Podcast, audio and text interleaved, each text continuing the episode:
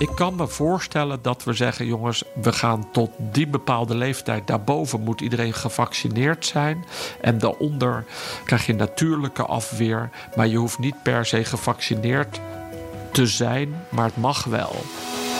Hallo, ik ben Kees Dorrestein. En ik ben Diederik Gommers. Ja, bekend IC-arts en OMT-lid.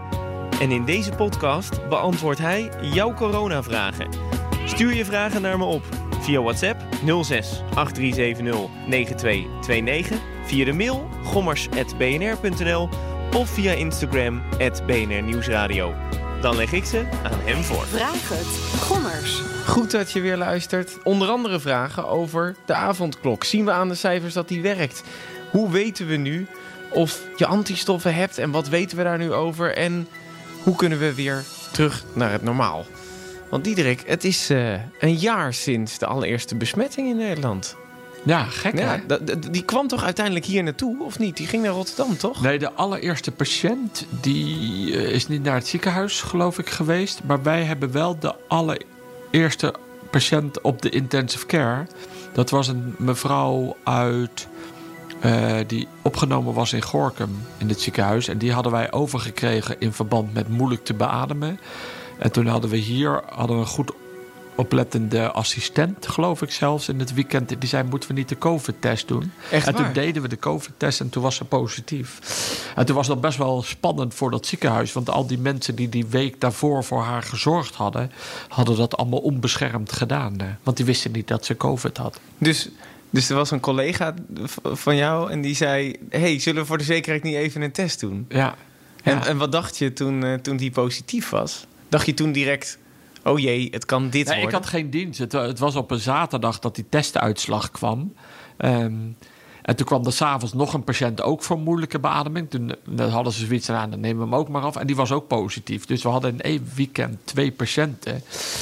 En, en ik werd wel thuis gebeld van, uh, het is begonnen. Dus... Um, ja, dus toen ik maandag kwam, ja, was echt wel zoiets van: oké, okay, um, de eerste twee zijn er. En jullie zaten eigenlijk te wachten totdat, wat, tot, tot op het punt van het is begonnen. Want als je ja, we hadden het in dat Erasmus en, en alle dingen, groepen, werkgroepen hadden natuurlijk allerlei dingen al georganiseerd.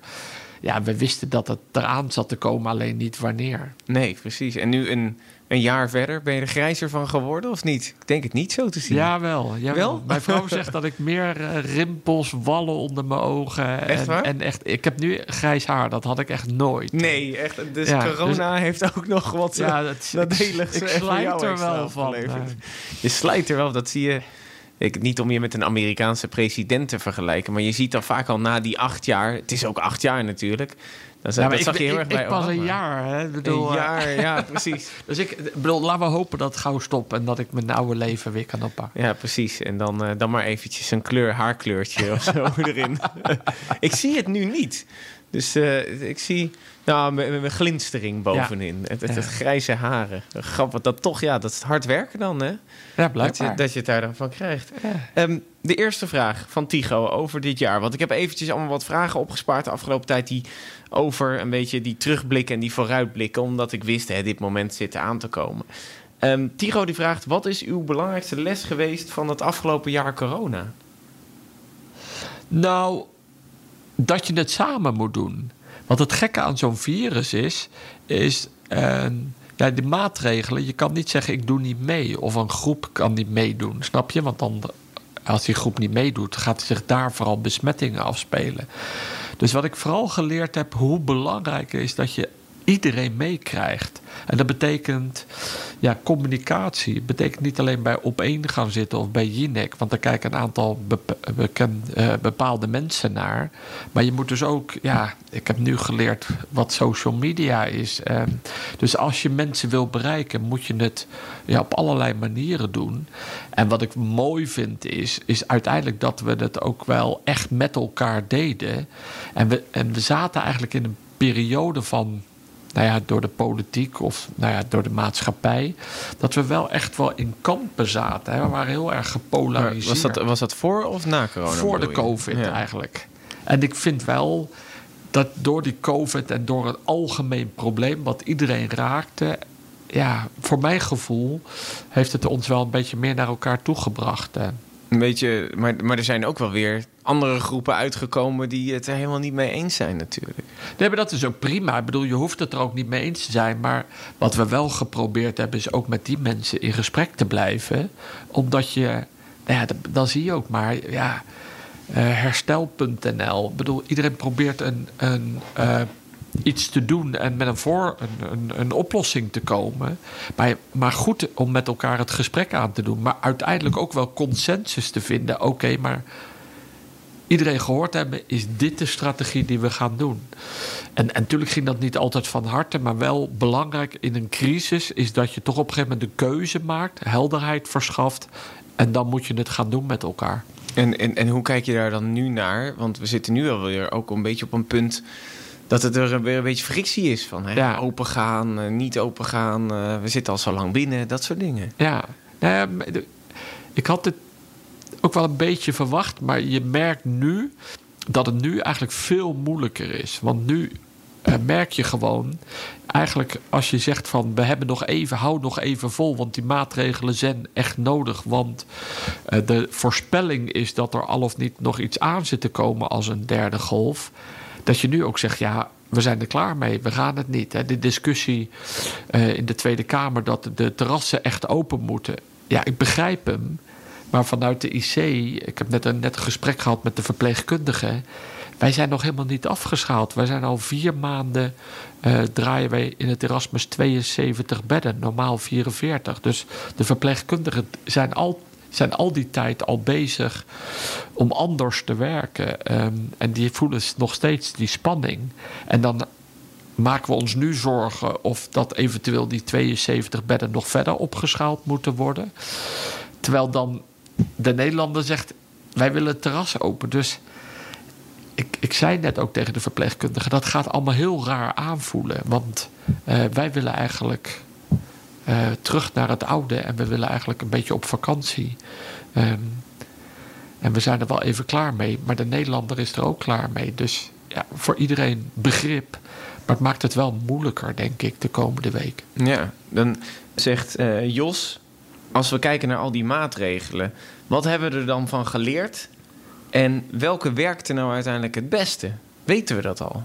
Nou, wat je iedere keer zag, dat als je eh, maatregelen nam die het gedrag beïnvloeden, dan zag je dat gelijk een daling in de besmettingen en uiteindelijk in de ziekenhuisopnames. En over welke hebben we het dan? Nou, bijvoorbeeld in de lockdown die we half december gingen doen, eh, zie je dat de, dat de verplaatsingen werden minder. Hè? Toen gingen de winkels dicht, eh, dat soort dingen.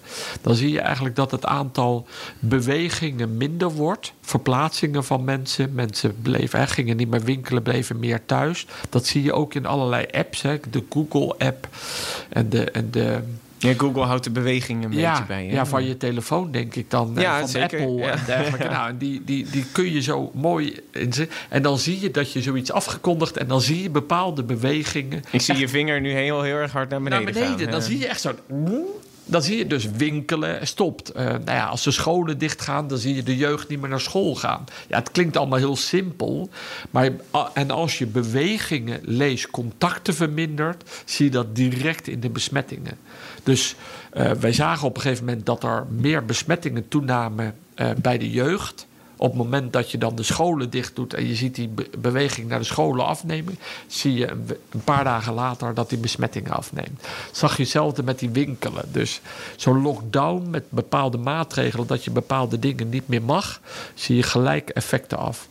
In af. Eh, Dus, dus een lockdown is eigenlijk effectiever dan mond- een mondkapjesplicht of zoiets. Nou ja, ik weet niet of het effectiever is, maar het is makkelijker te meten. Je ziet het echt in de metingen. Ik denk, als ik zo terugkijk, hè, we hebben lang gediscussieerd over het mondkapje. Dat hebben we ingevoerd, maar meestal ging dat dan met een pakket andere maatregelen. En dat is wel jammer, maar ook wel weer We logisch. hadden eigenlijk moeten zeggen alleen het mondkapje en dan hadden we kunnen het zien... meten. Maar alleen het probleem is altijd, wanneer kondig je het af? Is dat in een dalende lijn of in een stabiele lijn? Want als het in een stijgende lijn is, dan kan de vermindering van de toename kan het effect zijn van het mondkapje. Maar dat weet je dan nooit, want je kan niet controleren als je het niet gedaan had. Nee. Dus het is wel lastig. Dus hè, bijvoorbeeld nu met die avondklok is best lastig in te schatten wat nu de effecten zijn. Ik begreep nu van de RIVM dat zij zeggen dat het echt wel 10% is. Of anders hadden we veel meer uh, uitbraak gehad. Um, maar dat, dat is dus een lastige inschatting. Dus de schatting is 10% minder dan ja. van het RIVM. Ja, want Ineke die vroeg dat nog. Van in hoeverre werkt die avondklok? En um, wanneer kunnen we de avondklok afschaffen? Want er werd eigenlijk altijd gezegd tijdens de persconferentie, zei ze... Uh, van de avondklok wordt het de allereerste maatregel die we gaan afschaffen. En dat is nu dan eigenlijk niet, uh, niet gebeurd. Uh, dus de, ze vroeg zich af, wanneer is dan wel het moment om de avondklok af te schaffen? Ja, kijk, dus de OMT en de de, eigenlijk de modelleurs die berekenen dat. Hè. Dus uh, wat, wat is de verwachting van de toename van de besmettingen? En, en wat verwacht je dan als piek voor ziekenhuisopname? Uiteindelijk ook voor IC, voor verpleeghuizen. Maken ze allemaal grafieken van voor de komende drie maanden. En dan gaan ze uh, model instoppen. Wat nou als je de middelbare school één dag openstelt? Wat nou als de avondklok eraf gaat? Wat nou als je alle maatregelen. En dat krijgen wij dan te zien in grafieken met kleurtjes. Nou, de grafiek die ik vorige week vrijdag zag, ehm, was dat als je alles loslaat, dan gaat die piek stijgen voor de IC tot op meer dan 2500 IC-bedden. Maar we hebben er maar 1700. Mhm. En we hebben ook nog niet COVID-patiënten liggen. Dus we hebben maar plek max voor 1300, 1400 COVID-patiënten. Ja, dan, dan kan je zeggen, ja, dat kan dus niet. Want ja, dat. Mhm. Maar het is, zegt uh, Jacco Wallinga, de modelleur. Ja, Diederik, maar het is een voorspelling. Maar er zit heel veel aannames in. Maar er zit ook onzekerheid in. Het kan veel hoger, maar het kan ook lager. Maar meer heb je dan op dat moment niet. Dus wij kijken dan naar wat kan er en wat kan er niet. En vorige, afgelopen vrijdag was het heel belangrijk dat je iets wilde gaan doen voor die scholieren. Hè? Want mhm. dat was veel druk. Niet zozeer dat we vinden dat ze naar school moeten, maar dat je het echt het idee hebben dat ze ook medisch daar later last van gaan hebben. Dus ook medische gronden waarom we denken dat het belangrijk is dat uh, jeugdigen naar school gaan. En anderen daarboven gaan sporten. Um, en dan hoopte je natuurlijk dat je en de avondklok en die maatregelen kon loslaten. Maar daar was gewoon geen ruimte voor. Dus daarom in ons advies, um, nou ja, alles overziend en ook die medische gronden van hoe belangrijk het is naar school is en sporten, is het dat advies gegeven. En hebben we dat advies ook gegeven dat die avondklok dan belangrijk is om de omdat we het niet alle drie konden versoepelen. In onze ogen op basis van die modellen. En maar wanneer eh, wordt het dan een moment dat we dan wel de avondklok kunnen uh, Ja, dat bekijken we nu echt van week tot week. Ja.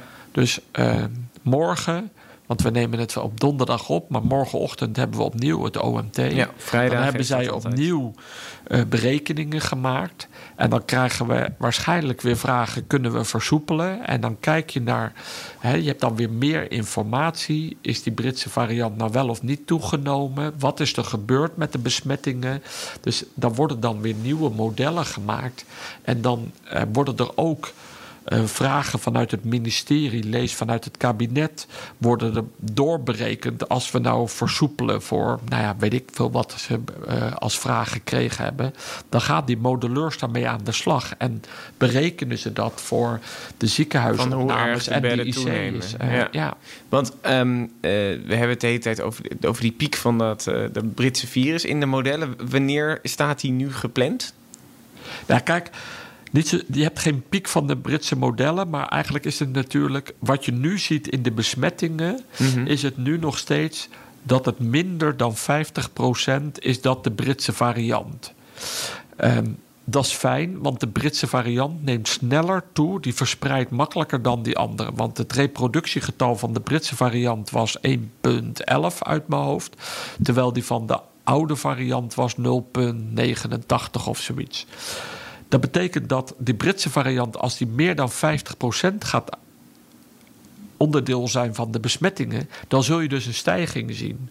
Als die onder de 50% is, dan zal die andere variant nog de overhand hebben. Nou, ergens kruist zich dat. En dat is wat er nu bijgehouden wordt. Eigenlijk in begin in januari dachten we nog dat het snel zou gaan met die Britse Ja, variant. toen werd er ergens februari gezegd. Maar Ja. we zitten nu in, eh, in eind februari natuurlijk. Ja. En dan kun je zeggen, ja, maar eigenlijk is dat gewoon goed nieuws. Want blijkbaar met ons gedrag, met alle maatregelen, is het ons gelukt om die Britse variant laag te houden. En dan roept iedereen, ja, maar als hij nou laag is, komt hij dan wel? Ja, je ziet hem wel nog steeds toenemen. Dus hij komt eraan. Maar kan het zo hoe zijn dat- lager onder de 50%, hoe belangrijk. Maar kan het zo zijn dat als hij over de 50% gaat, dat het dan in één keer heel hard gaat? Dat Ja, dan gaat hij- 50, 60, 70, 80 ja, om. dat, dat is wel wat je ziet in die curves. Dat ze dan meer een, een Maar het is nog niet duidelijk wanneer die over dat punt komt en dat hij echt enorm gaat stijgen in de curve. Nee, want iedere week eh, zeggen we ja, hij gaat deze week over de 50%. Ik ga morgen horen of dat zo is, ja of nee. Oh, spannend. Ja, Dat is, eh, maar maar het kan, als het dan niet het geval is, eh, kan het ook zo zijn dat hij nooit boven de 50% komt? ja dan zou die moeten eigenlijk weer moeten uitsterven, hè? moet die afdalen. Dan moet het ons gedrag, hè? want het is een reproductiegetal bij ons ge- gedrag. Dus als die maatregelen zoals wij die nu hebben...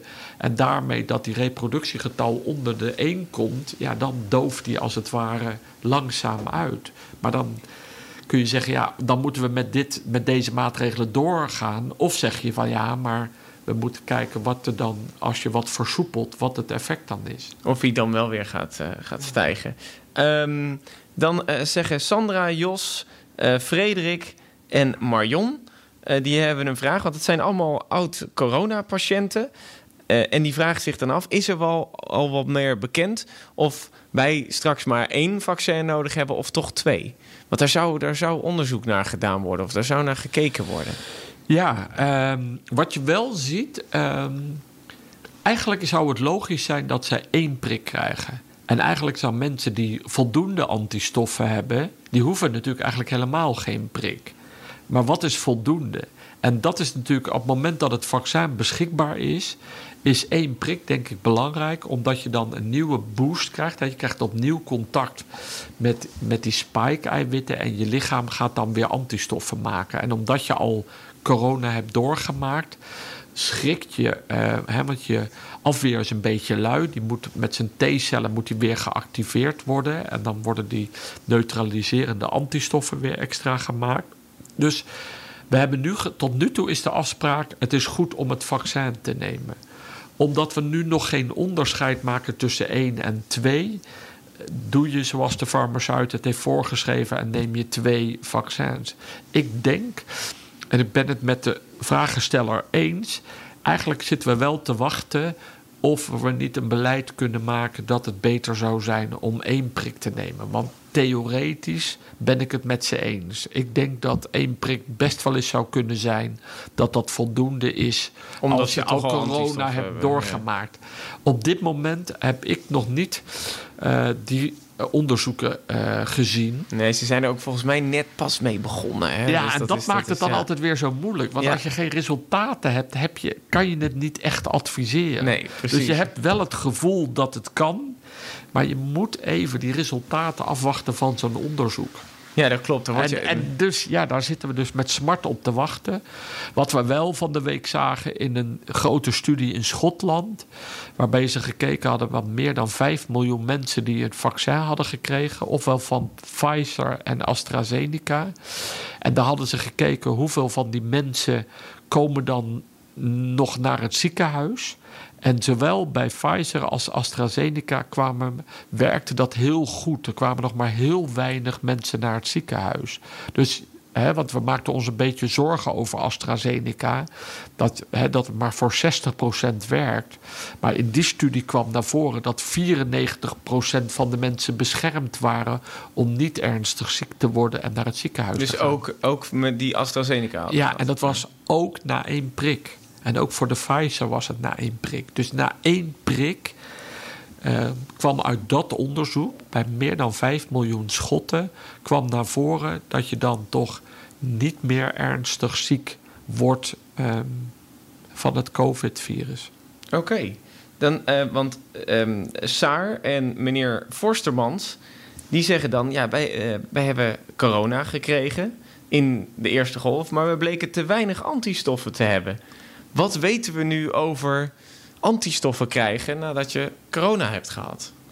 Ja, dat, dat, dat was vooral door de bloedbank, hè, want die hadden een studie lopen dat ja, ze die deed dat. hè? Ja, en die Sanquin. En die wilde vooral die antistoffen. Vroegen ze aan mensen: als je nou bloed komt doneren, mogen we dan die antistoffen uit jouw plasma halen? Hè? Dat, je hebt de rode bloedcellen, de cellen en de vloeistof in je bloed. En het vloeistofgedeelte, dat noem je het plasma. En daar zitten je antistoffen in. En dat hebben zij gemeten. Maar zij zagen nogal veel variatie. En daarom is het zo belangrijk dat je eigenlijk. Je hebt eigenlijk een paar keer contact nodig met het virus zodat je iedere keer weer getriggerd wordt om weer antistoffen te maken. En op een gegeven moment heb je gewoon je optimale afweer. En daarom is er gezegd, omdat we dat niet bij iedereen meten en ook niet precies weten wanneer jij eh, je corona hebt doorgemaakt, neem nou maar het vaccin. Want dan krijg je weer opnieuw contact met die eh, spike-eiwitten. En dan wordt jouw lichaam getriggerd om weer neutraliserende Maar- antistoffen te maken. Maar ik hoorde ook wel verhalen van eh, na, nagen- nagenoeg iedereen die corona heeft gehad, heeft wel een bepaalde vorm van antistoffen. Wat weten we sinds dit jaar daarover? Eh, er is niet zo. Ik heb geen nieuwe resultaten gelezen. ehm, hoeveel minimaal je nodig hebt om goed beschermd te zijn. Snap je? Dus nu is nog steeds de aanname, omdat we niet precies weten hoeveel antistoffen je nodig hebt en dat de opbrengst wisselend kan zijn, eh, is het beter om toch nog maar het vaccin te nemen. Tenzij je net afgelopen vier weken al corona hebt doorgemaakt, dan zeggen ze ja, dan heb je het net gehad.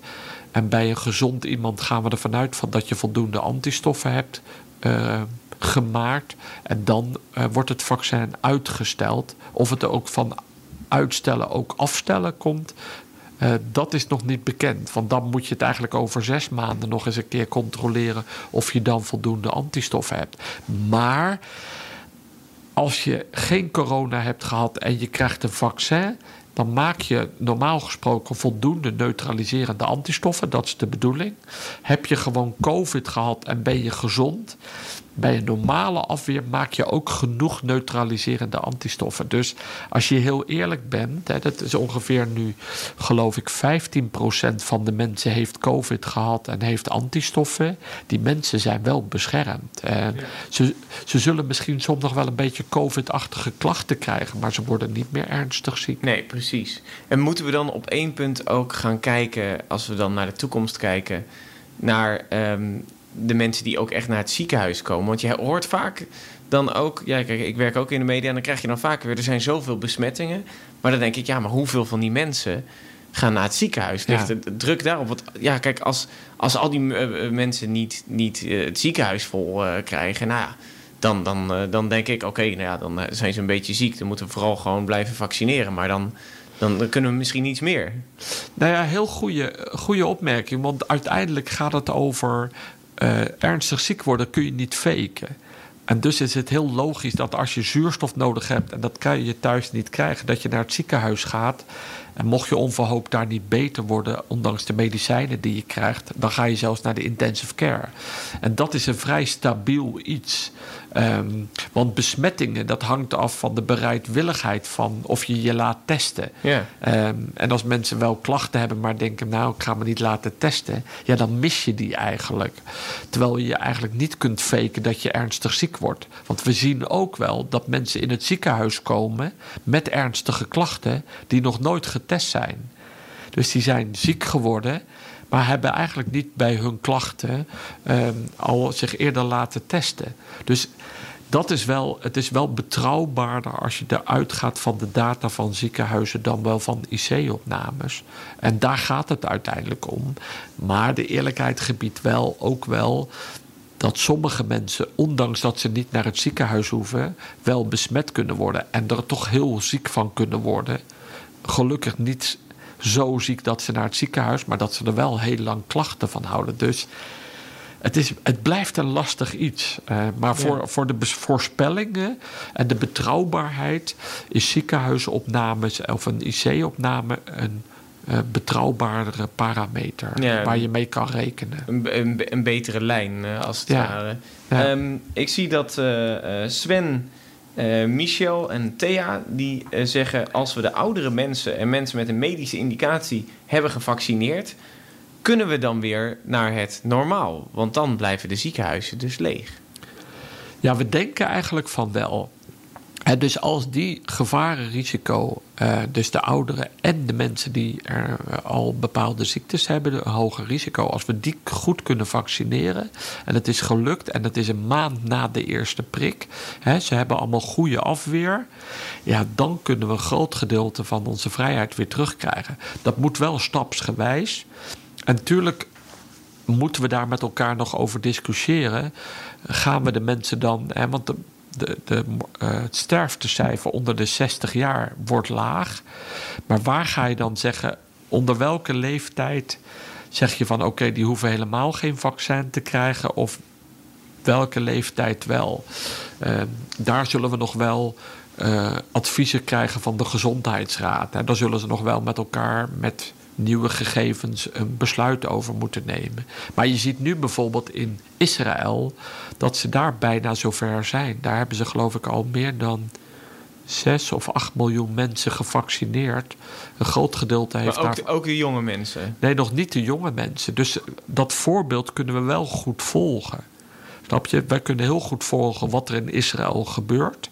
En dat kunnen we een beetje afkijken. En dat gaat ons wel helpen om straks een goed plan te maken. En gaat ons zeker helpen om uh, goed te kunnen versoepelen. Ja, en want, want Thea zei nog van. Waarom moet iedereen gevaccineerd worden? Uh, en waarom dan niet alleen de risicogroep? Maar ik hoor je al een beetje van dat dat misschien nog wel een discussie gaat worden. Dat we eigenlijk alleen de risicogroepen moeten vaccineren. Of moet toch wel echt iedereen?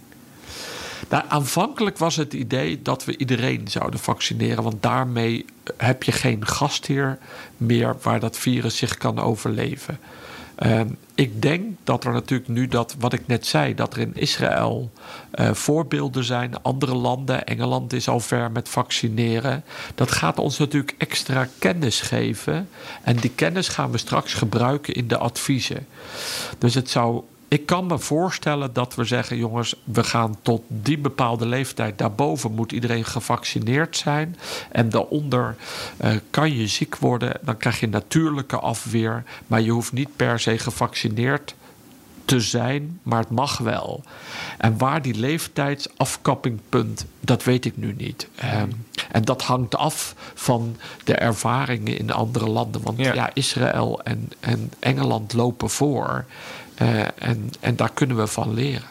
Want um, dan, dan zegt Frans, en dat is natuurlijk wel een, een, hele goede vraag: van, is COVID uit, wel uit de wereld te krijgen? Of wordt het straks eigenlijk net zoiets als de griep? Dat het gewoon elk jaar een beetje terug kan keren?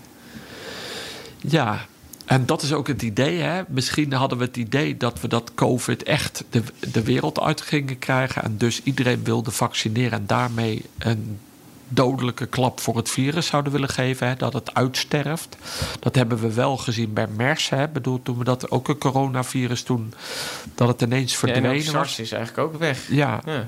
ja en, en maar nu, omdat het zo wereldwijd verspreid is en dat we natuurlijk een risico hebben dat niet iedereen iedereen kan vaccineren, snap je? Want er is ja, in Afrika en de arme landen kunnen ze misschien wel geen vaccin krijgen. En op het moment dat wij allemaal misschien wel gevaccineerd zijn, maar weer gaan reizen, eh, als er dan een bepaalde groep niet gevaccineerd is, kunnen ze wel het virus weer oplopen op vakantie.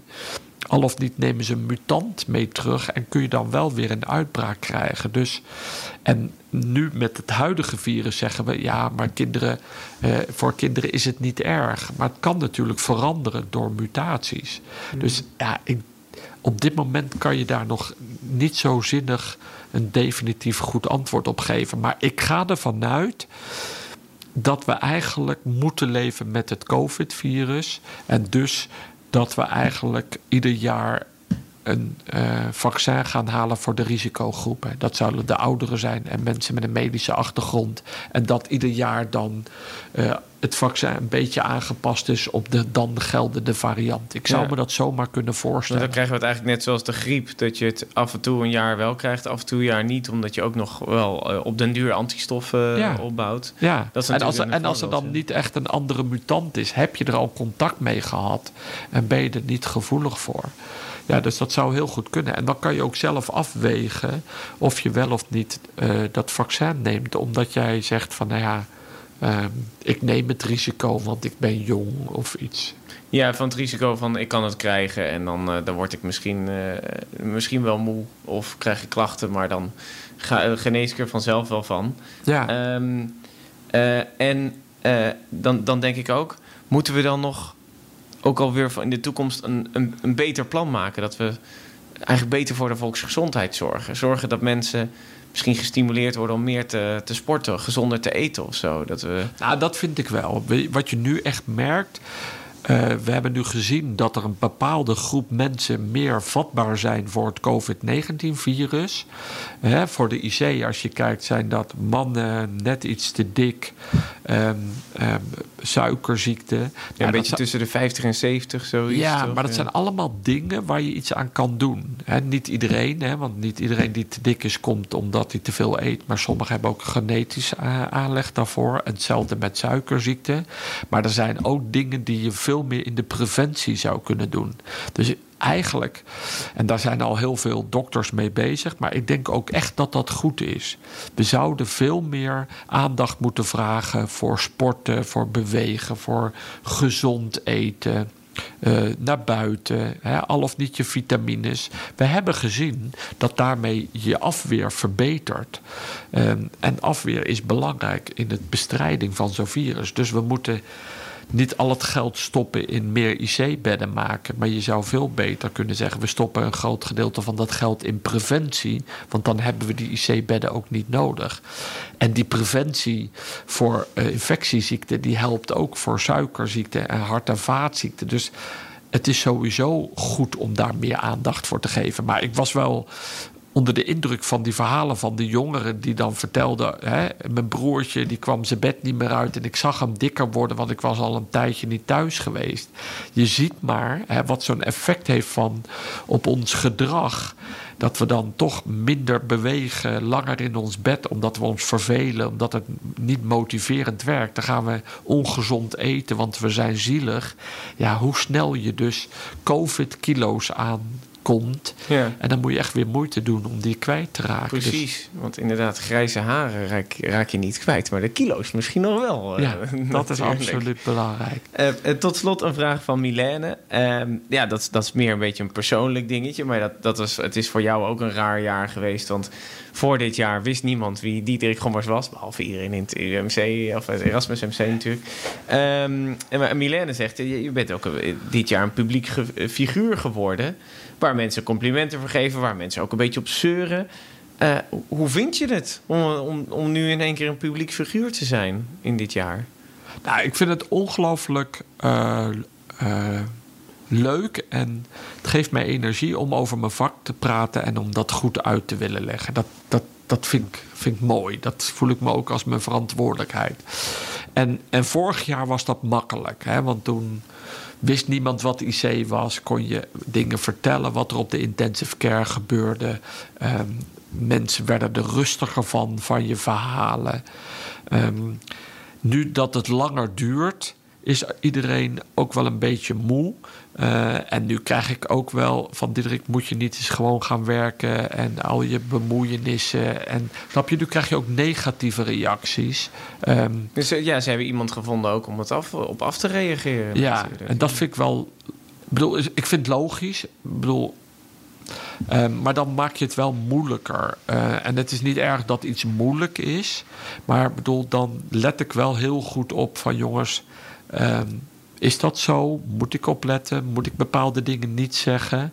Maar ik merk ook wel aan mezelf. Dat past wel bij mij om gewoon open, eerlijk en transparant te zijn. En gewoon te zeggen waar het op staat. En dan ook maar als de boodschap mensen niet zo goed uitkomt. Dus ik merk nu dat ik eigenlijk gewoon de eerlijkheid en de boodschap blijf vertellen. En dat mensen boos worden, dan worden ze maar boos op me. Dat Nou ja, eh, ik- kan ik niks aan doen. eh. Ik, ik beheer de eh, Vraag het Gommers app. Ehm, ik krijg ook richting mijzelf als presentator... krijg ik soms hele hatelijke berichtjes... en dan probeer ik met mensen te praten. En soms kan dat. En dan zeggen ze, ah ja, ik bedoelde het eigenlijk niet zo. Ik kwam gewoon een beetje zo over via WhatsApp. En soms ja, blijft het hatelijk. En dan denk ik ook van, ja, weet je... ik, ik wil een leuke podcast maken voor mensen... Die, waar mensen hopelijk wat aan hebben... Ja, als je boos op me bent, ja, dan mag dat. Succes. Dat is, ja, nou, dat, dat, heb jij meer natuurlijk. Ja, dat heb ik nu ook. Ik bedoel, ik ben ergens aan begonnen en ik maak dit af. En eh, ja, als de COVID voorbij is, eh, ja, jongens, hebben jullie echt geen last meer van Nou, de dan-? Ho- hoop je dan ook weer een beetje van eh, dat je dan een beetje weg, wegcijpelt? Ja, dat, nie- ja. dat niemand. Dat, dat op de, over tien jaar dan heb je in eh, Weekend Millionaires te vragen: hoe heette die arts ook alweer die bij zoveel dat programma's niemand zat? het meer weet. Dat hij dat, dat, die zou geen miljoen erop wint. Ja, dat zou mooi zijn. Dat nee, maar dat, nee, maar bedoel, we maken er nu een grapje over. En dat is prima. Maar ehm, ja, ik zou wel weer blij zijn als ik straks weer een beetje de gewone Diederik ben... die gewoon op de intensive care werkt. En, Dat het dan wel ook weer rustiger is. ja, maar dat is ook goed, want dan is er ook... Dan is COVID ook niet meer belangrijk. En die IC voor de COVID is, is geen issue meer. Nee, precies, want dan is het al opgelost. Dat vind ik een mooie gedachte. Nog veel dingen onduidelijk, maar ja, dat is ook eh, even afwachten wat er nu de komende weken gebeurt eh, natuurlijk. Ja, En, eh, en dan hopen dat het bij die paar grijze haartjes blijft, hè? ja. Ja, dat is mooi. Joh, ik krijg inhammen. Ik hoop dat ik, eh, dat ik liever grijs dan kaal. Denk ik dan altijd maar. oké. Goed, vergeet vooral niet te abonneren op de podcast. Want dan krijg je dus een melding op het moment dat we een nieuwe aflevering hebben. En dan hoor je dus ook of jouw vragen voorbij komen. En ehm, heb je een vraag, stuur die 068370 9229. Dat is dus de WhatsApp van Vraag het Gommers. Krijg ik ze binnen, maak ik een lijstje. Of mail even naar gommers.bnr.nl. En dan tot de volgende keer. Ja, tot eh, volgende week. Neem ik haarkleurmiddel eh, voor je mee. Blauw? Blauw is helemaal hip tegenwoordig. Oké, doe Ja. nee joh, Af en toe een eh, blauwe... een blauwe lok. Het ziet er niet uit.